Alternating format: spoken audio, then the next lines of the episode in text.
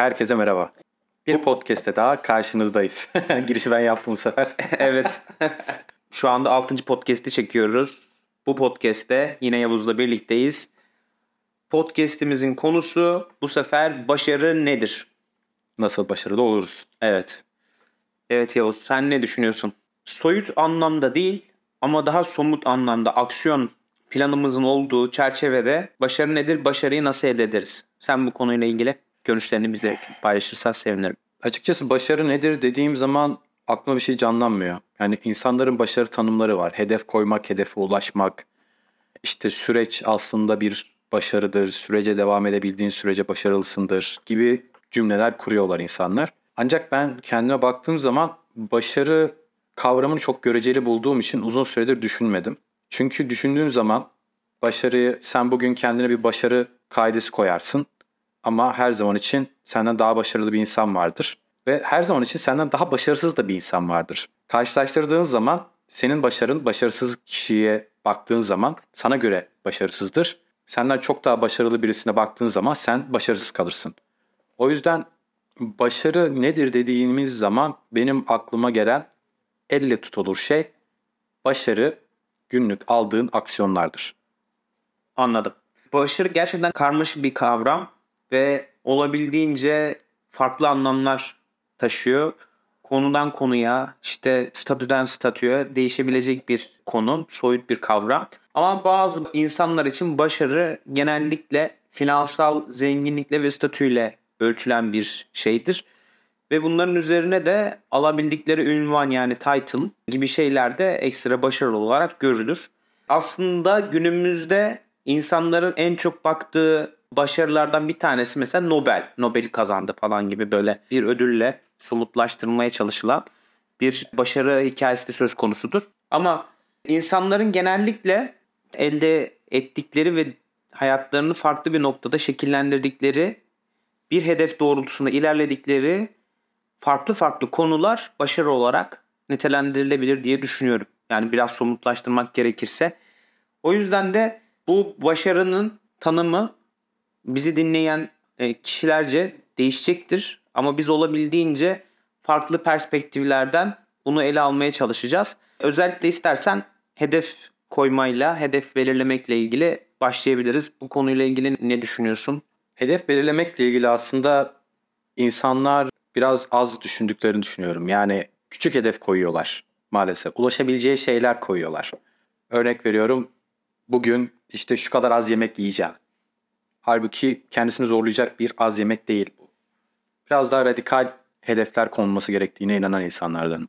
Yani ben her zaman şöyle düşünüyorum. Kısa dönemli planlar, kısa dönemli hedefler ve uzun dönemli, uzun süreli hedefler olması gerektiğini ve bunların bir noktada kesişebilir, ayrışabilir fark etmeksizin olabildiğince insan sınırlarının zorlayıcı olması gerektiğini düşünüyorum. Çünkü kısa anlamlarda az önce senin söylediğin örnekler çerçevesinde gerçekleştirilmesi hedeflenen şeyler aslında çok da büyük anlamlar ifade etmeyebilir. Ama mesela bin tane kitap okuyacağım gibi şu kadar süre içerisinde bin tane kitap okuyacağım. Şu kadar süre içerisinde 3 tane dil öğreneceğim. Şu kadar süre içerisinde 50 tane ülkeyi gezeceğim. Belki finansal anlamda hepsi o kadar kolay olmayabilir ama aslında soru burada bunu nasıl yapacağımızla ilgili. İnsanlar kendine hedefler koyuyor ve sonucunda da bu hedeflerle birlikte nasıl yapacağına dair de kendine bir yol çiziyor. Bu yol haritasıyla birlikte kimi mesela diyor ki 50 tane ülkeyi göreceğim ama benim param yok. En önemli konulardan bir tanesi finansal konular.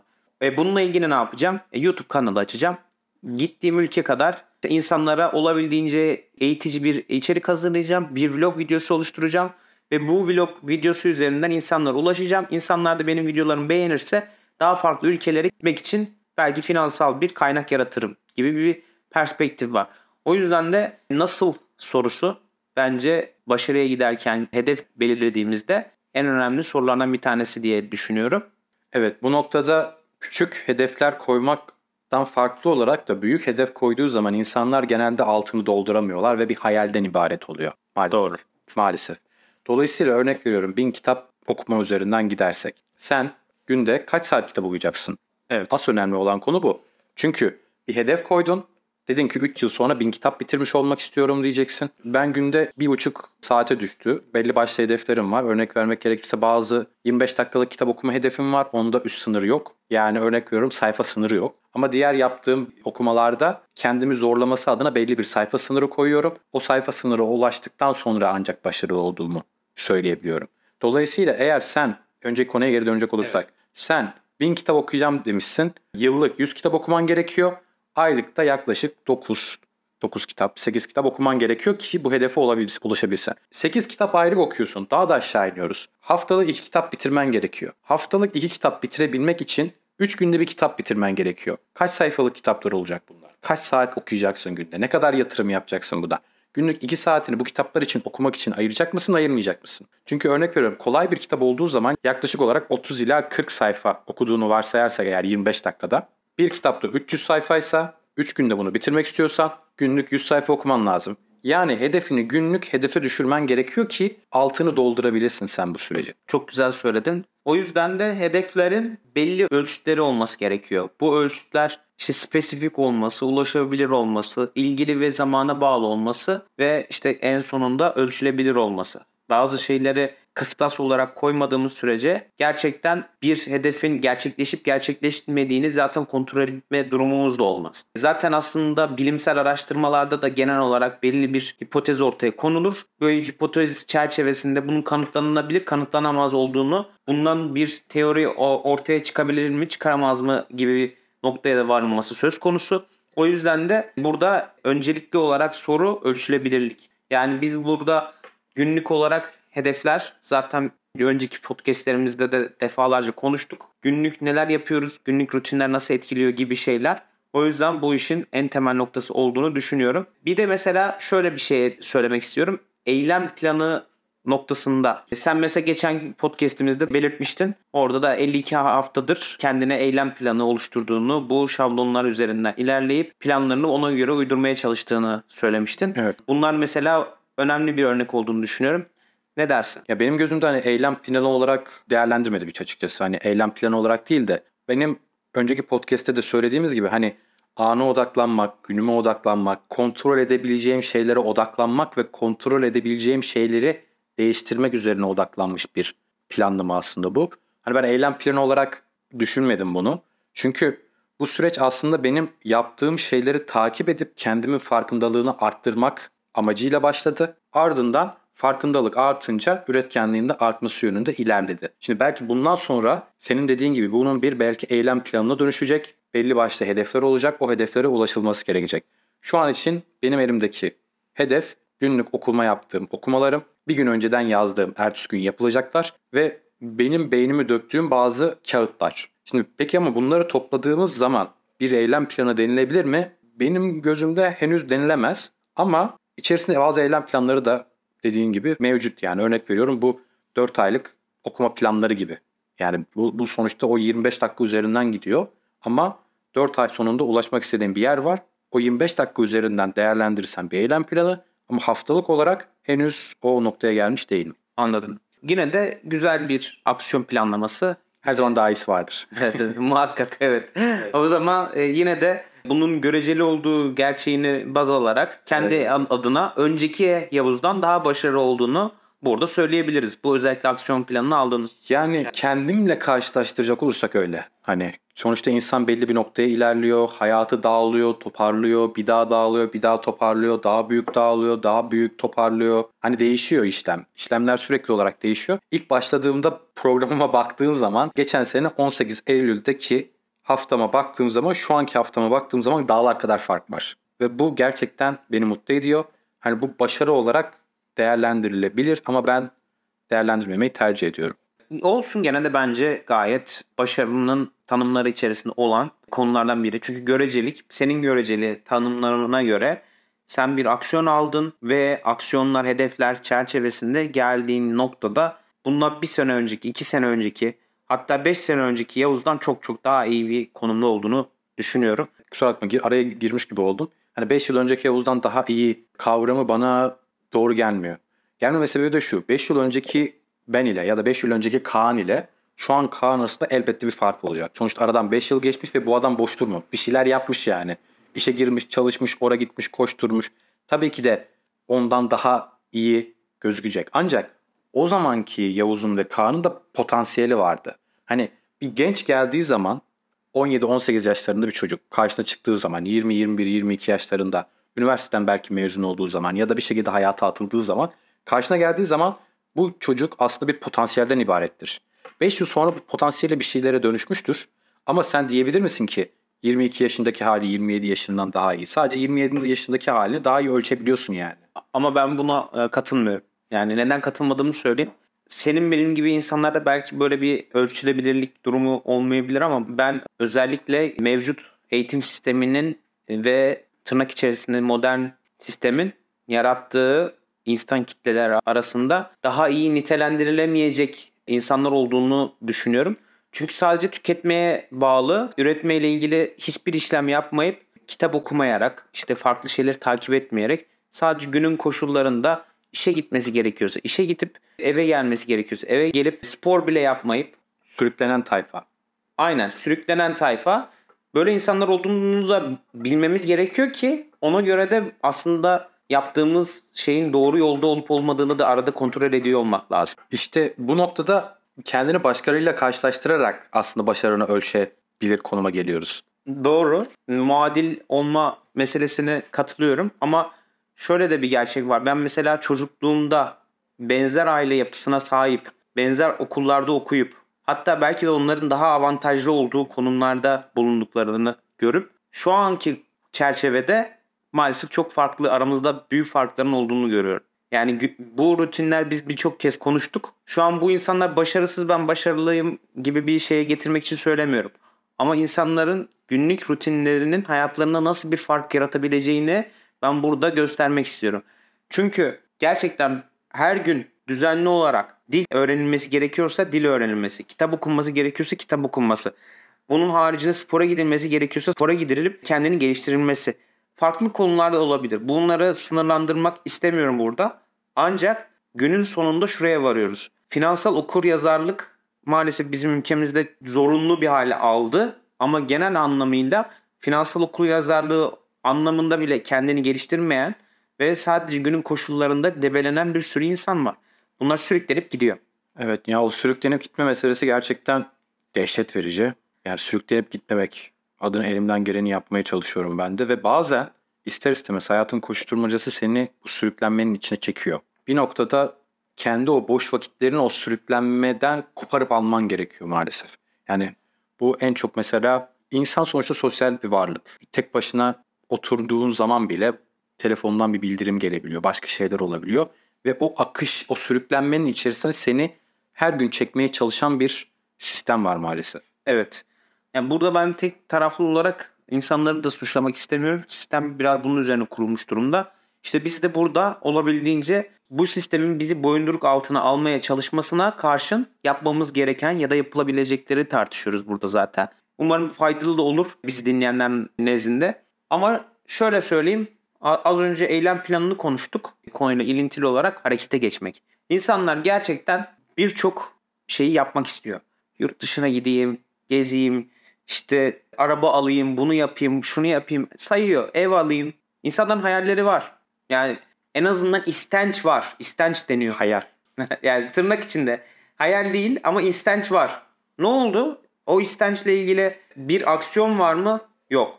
Harekete geçmiyor. Sadece istiyor. Ya olacak inşallah. Peki bu adamı gerçekten istediğini nereden anlayabilirsin? Sonuçta adam sadece sana söylüyor. Diyor ki istiyorum kardeşim. İstiyorum da istiyorum. İst- E ne yapıyorsun? İstiyorsan aksiyona geçmen gerekiyor. Bu adam gerçekten istiyor mudur bu insan?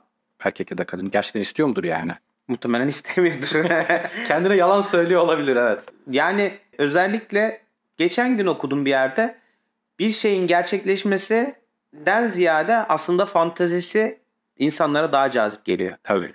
Bu böyle bir böyle bir durum olması da insanları bence etkiliyor diye düşünüyorum. Şu anda işte Tesla'ya biniyor olsaydım, Ferrari'ye biniyor olsaydım gibi düşünmek muhtemelen o insanın bilinçaltını rahatlatan bir gerçeklik. Sıkıntı da orada ya zaten. Bunlar dopamin salgılıyor. Yani başarı aslında düşündüğün zaman, bir başarı tanımladığın zaman ve ona ulaştığın zaman bu senin için bir dopamin salgısıyla seni aslında hedefinden ve tutkundan uzaklaştırıyor maalesef. Öyle bir Evet. sıkıntı var yani. Evet. Dolayısıyla onun konulan hedefin altını doldurmak ve realiteye inmek burada çok büyük bir önem arz ediyor. Evet. O yüzden de işte bu realiteyle yüzleşip bir an önce aksiyona geçmek gerekiyor. Geçen podcast'te de şöyle bir şey anlatmıştım. Kendime hedef olarak belirlediğim şeyleri şematize ederek, görselleştirerek bir hedef belirlemiştim. Bu hedefler çerçevesinde de aksiyon anlamında girişimlerim olmuştu. İşte dil öğrenmek bunun bir tanesiydi. Bunu sende tetikleyen şey neydi? Bunu bende tetikleyen şey okuduğum kitaptı. Ne, Evet. Neden bahsedeceğimizi evet. yine yine yine kitaplara geldik. ya, geçen geçen çeyrekte okuma hedeflerimizin arasında Brian Tracy'nin satış kitabı Aynen vardı. öyle. Aynen. Brian Tracy de hani bu noktada bunun görselleştirmek açısından çok güzel tarifleri var. Hani ben oturup uygulamadım. Uygulamak istiyor muyum? Gerçekten istiyorum. Belki o kadar istemiyorum. Aklım bir köşesinde duruyor. Yapmak niyetinde olduğum bir şey bu. Altını doldurup önce işte 20 madde yazmanı, başka bir yerde de 100 maddeye çıkarmanı bunu ama daha geniş perspektiften bakmanı anlatıyor ve bunu yapan insanların gerçekten görselleştirme adına ciddi başarılar elde edeceğini söylüyor. ben de O yüzden bu süreci birazcık daha anlatabilir misin sen uygulanış birisi olarak? Ben de mesela zaten Brian Tracy'nin kitabında okuyarak bundan hani özellikle esinlenmiştim. Gerçekten hani orada yol gösterici olmuştu ama bununla ilgili şöyle bir şey söyleyeyim. Tabii ki bunlar çoğunlukla somut nesneler üzerinden gidiyor. Finansal konular üzerinden gidiyor. İşte bir şey alma, bir şey verme gibisinden. Burada benim artık o zamana göre baktığım perspektif birazcık daha genişlediğini düşünüyorum. Yogi olmak mı istiyorsun? Yok olmak istiyorum. Nirvana'ya nasıl çıkarım? Buradaki artık perspektifim o zamanın Kaan'ı olarak yani 18 yaşındaki Kaan olarak o görselleştirmeler çerçevesinde ilerlemenin yine bir hedef olduğunu ve bu hedeflerin takip edilmesi gerektiğini düşünüyorum. Ama daha artık derinlemesine gitmek gerekiyor. O biraz daha yüzeyseldi. Ben bunu artık şu soruyla ilintiliyorum. Ne diyorum? Buna sahip olmak için hangi aksiyonları almalıyım? O zaman o kadar derinlemesine düşünmeyerek yüzeysel olarak aa evet bunu istiyorum birazcık da şöyle aksiyonum olsun diyordum. Ama artık aksiyon planım var. Bu aksiyon planı çerçevesinde her gün o kitap okunacak. Her gün dil öğrenilecek. Her gün kendimize belirlediğimiz hedefler. Bu finansal konulardaki okuryazarlığımızın arttırılması ya da işte video editleme ile ilgili bir programın öğrenilmesi gibi farklı farklı konular içerebilir. Bu bizim hayatımızın bir parçası olan konular. Onun haricinde de farklı çeşitlendirmeler yapabiliriz.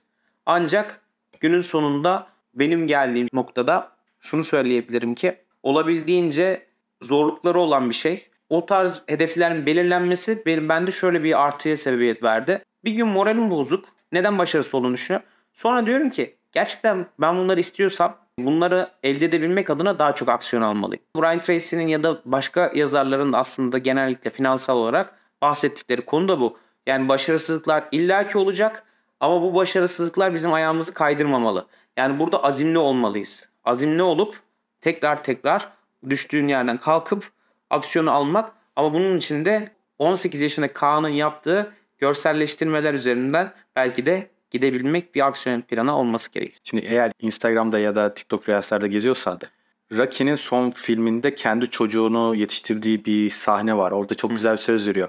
Diyor hayatın sana ne kadar sert vurduğu ya da senin ne kadar geri tepki verdiğin meselesiyle ilgili hayatın sana ne kadar sert vurduğu önemli değil diyor.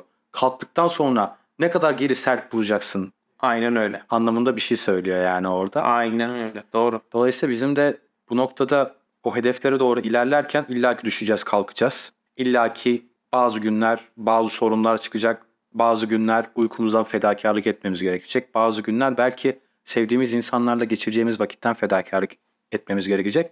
Ediyoruz da. Ediyoruz da. Evet. Dolayısıyla bir noktada düşüp kalkıp bir şekilde yolumuza devam etmek istiyoruz evet. Burada şöyle bir şey eklemek istiyorum. Pozitif insanlarla da olmak, birlikte olmak, onlarla birlikte bir şeyler yapıyor olmak da önemli. Mesela nasıl biz birbirimizi kamçıladık. Burada daha iyiye götürmek adına bir aksiyona birlikte giriştik. Bu podcast'te zaten bunun bir ürünü aslında. Çevremizdeki insanların varlıkları da tahmin ettiğimizden çok daha etkili diye düşünüyorum. Ben özellikle negatif insanlara da çok fazla kulak asılmaması gerektiğini düşünüyorum. Sen ne dersin? Negatif insanları hayatından çıkarman gerekiyor. Aynen öyle. Çok duyuyoruz değil mi? yapamazsın, edemezsin, işte şöyle olmaz, böyle olmaz, asla olmaz. Yani nasıl olmayacağını anlatacak çok insan var sadece. Yani yapamazsın diyen benim etrafımda yok. Belki çok fazla insan elediğim için öyledir. Yapamazsın diyen insan yok bende. Ama şöyle insanlar var. Hani yapacaksın ama şöyle olur, böyle olur, şöyle bir sıkıntı çıkabilir, böyle bir sıkıntı çıkabilir. Özellikle mesela ailemde anne, anne yüreği bu. Tamam mı? Hani diyor ki oğlum sağlam adım at. İşte şöyle adım at, böyle adım at, şuna dikkat et, buna dikkat et. Hani anlatıyor. Kendince de haklı sebepleri var. Ama bir noktada risk almadığın zaman hem kendini geliştiremiyorsun hem de fırsatları değerlendiremiyorsun maalesef. Bu noktada dediğim gibi yani alacağım risklerin önüne set çekme durumu var çevremde. Ama bu bir noktada benim için de kontrol kalemi olarak değerlendirilebilir. Negatif insanlar sen yapamazsın, edemezsin, kıskançlık duyacak mesela. Yani bu çok mümkün yani bu gündelik hayatta sana kıskandığı için, senin sahip olduğun bir şey kıskandığı için ayağını kaydırmak, dedikodu yapmak istiyor ki başımıza da geldi. Tabii canım. Yaşadık yani üniversite zamanımızda. Dolayısıyla evet bu insanları hayatından çıkarmak gerekiyor. Bir sürü insan var. Bulursun bir şekilde başkasını. Aynen öyle. Ama tabii genel olarak da kulak da asmamak da önemli diye düşünüyorum. Çünkü başarıyı başarısız insanlardan öğrenemeyiz diye düşünüyorum. Bir şeyi yapamayan insan sana söylediği zaman işte şöyle yapamazsın böyle yapamazsın. E peki ben sana nasıl yapılacağını göstereyim deyip de yapıp o insana en güzel mesajı verebilirsin aslında. Muhammed Ali'nin videosu az önce bir video izledik ya. Evet. I will show you how great I am. Sana ne kadar büyük olduğumu göstereceğim. Aynen öyle yani. Evet evet. Çevremizdeki insanlarla işbirliği yapıp doğru insanlarla da ileriye giderken yani ayak bağı olmamaları adına iletişim kurmak önemli diye düşünüyorum. Kesinlikle. Son olarak bir konuya değinelim istiyorum. Başarı konusundaki şans faktörü konusuna değinmek istiyorum. Sen ne düşünüyorsun? Sence şans faktörü başarı konusunda ne kadar etkilidir? İnsanlar genellikle çok etkili olduğunu söylerler ve şansım yaver gitmedi. Ondan dolayı başarısız olduğum gibi bir bahanelere sığınırlar. Sen ne dersin? Ya şansla ilgili kendi fikrimi söylemeden önce dinlediğim, takip ettiğim insanların şans faktörü ile ilgili olarak düşüncelerini paylaşmak istiyorum. Şans faktörün ile ilgili olarak mesela Luke Belmar takip ettiğim senin de ilgini çeken insanlardan. Şans faktörü aslında diyor tamamen göreceli bir kavram. Eğer bir fırsat geldiği zaman fırsatlar yığınla bir şekilde fırsatlar görürsen o fırsatı görsen de oradadır, görmesen de o fırsat oradadır. Dolayısıyla sen öncelikle kendine o fırsatı yani o şansı görebilecek şekilde kendine eğitmen gerektiğini söyler. Ardından da o riski alıp o şansı değerlendirmen gerektiğini söyler. Kendisinin böyle bir düşüncesi var. Justin Wheeler da az önce gösterdiğim insanlardan bir tanesi. İşe alım sürecinde bu insanın ne kadar şanslı olduğunu da değerlendiriyoruz diyor. 4-5 tane aşaması var. Son aşaması şanslı olması tamam mı? Şans meselesinde de faktörde de adam aslında anlattığı şey fırsatları oluşturabilmesinden bahsediyor. Kendi fırsatlarını oluşturabilmesinden bahsediyor. Aslında bu iki insanın da tanımladığı şans faktörü genel geçer şans faktörüyle tamamen zıt. Kendin oluşturabileceğin fırsatlar bütününe şans diyor bu insanlar. Kendime gelince de ben şans olmadığına inanan bir insanım. Yani biraz kaderci bulabilirsiniz bu anlayışı. Elbette biraz kaderci ya da determinist, determinizm diyebilirsiniz. Kadercilizmin felsefik adı. Ee, bu noktada benim düşüncem fırsatlar her zaman için oradadır. O fırsatların oraya gelmesi belli bir plan dairesinde olacağını düşünüyorum ben. Eğer o faktörü değerlendirebilirsen değerlendirirsin. Değerlendiremezsen değerlendiremezsin. Ekstradan diğer insanların da söylediği bir durum var.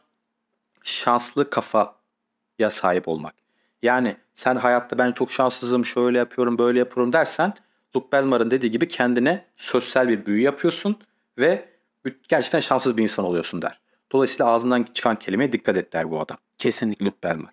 Dolayısıyla kendine bu sözlerle bir aslında telkin ediyorsun. Telkin ediyorsun. Bir de hani telkinden farklı olarak bunun her ne kadar kanıtlanamamış olsa da bir metafizik boyutu var. Bu metafizik boyutu aslında e, metafizik deniyor ama mesela beynin yaydığı dalgalar var. Sen bu sözlerle yaydığı dalgaları değiştirebiliyorsun. Yaşadığın o andaki dalgalarını değiştirmen durumunda işte insanlarla etkileşim değiştirdiğini söyleyen farklı görüşler var. Luke Belmar da bunlardan bir tanesi diyor ki sen diyor ben şanslıyım ben şöyleyim böyle bir şekilde kendine telkinde bulunarak aslında kendine bir büyü yapıyorsun diyor. Hmm. Ve dolayısıyla sen bu kişi oluyorsun diyor. Yani dolayısıyla bu şans faktörü arkasına sığınabilecek gerçekten büyük bir duvar, evet. kapı. Evet. Ancak insan birçok noktada şans faktörüne, şans ya da şanssızlık faktörüne sığındığı zaman e, aslında kendi yetersizliğini maskelemiş oluyor. Çoğunlukla evet. Ben burada bir anımı anlatacağım. Birinci sınıftayken İngilizce dersleri aldım. Sen de aldın. Ee, bu derslerden bir tanesinde özellikle İngilizce 101 dersinde bir konuyla ilgili sunum yapılması gerekiyordu. Benim de yaptığım sunum başarı nedir sunumuydu. Burada yaptığım sunumla bir arkadaşla beraber yapmıştım. Burada anlattığımız çoğu konuya değindik. En sonunda hoca durdurdu. Biz burada tabii şans faktörüne çok değinmemiştik. O da sordu soru. Ya dedi sizce dedi başarılı olmak için bunlar yeterli midir? Şans faktörünün etkisi var mıdır dedi. Ortaya attı. Ben de örnek olarak iki tane insan örneği vermiştim o zaman için. Birincisi Nelson Mandela, ikincisi Lionel Messi örneği vermiştim. Niye bu örnekleri verdim? Nelson Mandela 25 sene hapis yatmış bir insan. Özellikle apartheid dedikleri işte bu Güney Afrika'daki özellikle Afrika kökenli insanların yaşadıkları politik zulüm çerçevesinde derin bir politik baskı vardı ve bunun baskı sonucunda da Nelson Mandela 25 sene neredeyse hapis yatıyor. Bu hapis hayatının sonunda da devlet başkanı olabilecek seviyeye yükseliyor. Buradaki politik düzen çok karmaşık olsa bile o adamın önceden de sahip olduğu potansiyeliyle bağlantılı olarak bu adam geliyor devlet başkanı oluyor. Devlet başkanı olmayı direkt olarak başarı mı sayabiliriz? O tartışılır. Ancak şunu söyleyebilirim ki bu adam gerçekten de hapisten devlet başkanlığına yükselen yolu ben başarılı addederim. Ve derim ki o zaman da demiştim. Bu adam 25 sene hapis yatmış. Şunu mu diyeceğiz? Yani bu adam 25 sene hapis yattığı için başkan oldu. Hayır. Bence değil. Yani o yeteneklere sahip olmasaydı ve şu anda da dünyada da örnek gösterilen devlet liderlerinden olduğu için o zaman verdiği çaba vesaire Nelson Mandela bunu hak etti. Aynı şekilde Lionel Messi. Adamın büyüme hormonu eksikliği var yaşıtlarından o zaman da çok küçük. Hala da e, normalde çelimsiz diye denebilecek bir seviyede. Yıl 2014 e, o zaman Dünya Kupası'nı kazanamamıştı. Şu an yıl 2023 bu adam Dünya Kupası'nı da kazandı. O yüzden şu anda bakıyoruz. Evet Lionel Messi büyüme hormonu ile ilgili sorun çektiği için işte belli bir dezavantajı vardı ama ne oldu? Avantaja çevirdi. O Barcelona seçmelerine gittiği zaman bunu Oraya seçilmek adına elinden gelen her şeyi yaptı ve şans kendi kapısına geldiği anda ve bitti iş. Yani ben burada şansı şöyle değerlendiriyorum. Ve bunu ben bir yerde de okumuştum. Şöyle değerlendiriyorum. Şans fırsat geldiği zaman hazır olma durumuna denir. Aslında hazır olamadığın zaman gerçekten o şans seni zaten bulamıyor bile. Sen o zamana kadar onun için çabalamalısın ki işte geldiği zaman onu alabilirsin. Sen de determinizme bağladın aslında. Aynen öyle. Biraz öyle oldu. Ama kesinlikle o bahsettiğin maskeleme olayına bir şeylerin ya bu maskeleme olayını başka şeylerde de yapıyoruz. İşte başkasına suç atıyoruz. WhatsApp grubunda takılıyorum. Sitenin WhatsApp grubuna beni görevlendirdiler alete. Ya bakıyorum bir tanesinin üst taraftan su akıyor. Ya diyor komşu şu şunu yaptırsana ya şöyle yapsana diyor. Yaptırmıyorum kardeşim kavga çık herkes birbirine suç atıyor. Oradan diyor seni polise vereceğim. Şöyle olacak böyle olacak. Hani biz bunu gündelik hayatımızda küçük şeyler içinde yapan insanlarla mücadele ediyoruz. Dolu, evet, dolu, yani. Hani dolu. adam kendine bir şey çıkarmamak adına her şeyi yapıyor ama tabii bu başka bir podcast'in konusu. Evet. O yüzden de çok fazla bahanelere sığınmamak lazım. Evet yani başarıya giden yolda bahanelere sığınmamak gerekiyor. Elimizden geldiğince çaba sarf edip başarı nasıl adlandırıyorsak, nasıl hedefler koyuyorsak da gerçekten sonuna kadar inanıp emek göstermek, azim göstermekten vazgeçmememiz gerekiyor. Bu yüzden de sana da teşekkür ediyorum geldiğin için. Teşekkürler ben de. Hani son olarak bağlamak gerekirse başarıya nasıl ulaşılır? Başarıya gündelik hedeflerle ulaşılır. Damlaya damlaya göl olacak. Evet. O gününe odaklanacaksın. Önceki podcast'te anlattığımız gibi geçmişe geleceğe dağıtmayacaksın. O gününe odaklanacaksın. Aynen öyle. Şu anda sahip olduğumuz şey şu anki anımız. Bunun kıymetini bilmeliyiz diye düşünüyorum. Teşekkürler Yavuz geldiğin için. Ben teşekkür ederim. Ağzına sağlık. Siz dinleyicilerimize de teşekkür ederiz. Destekleriniz bizim için çok kıymetli. Bu desteklerinizi beğeniler kısmında gösterebilirsiniz. Gösterirseniz seviniriz şimdi. Gösterirseniz Aynen. seviniriz. Evet. Bir sonraki podcast'te görüşmek üzere. Hoşçakalın. Güle güle.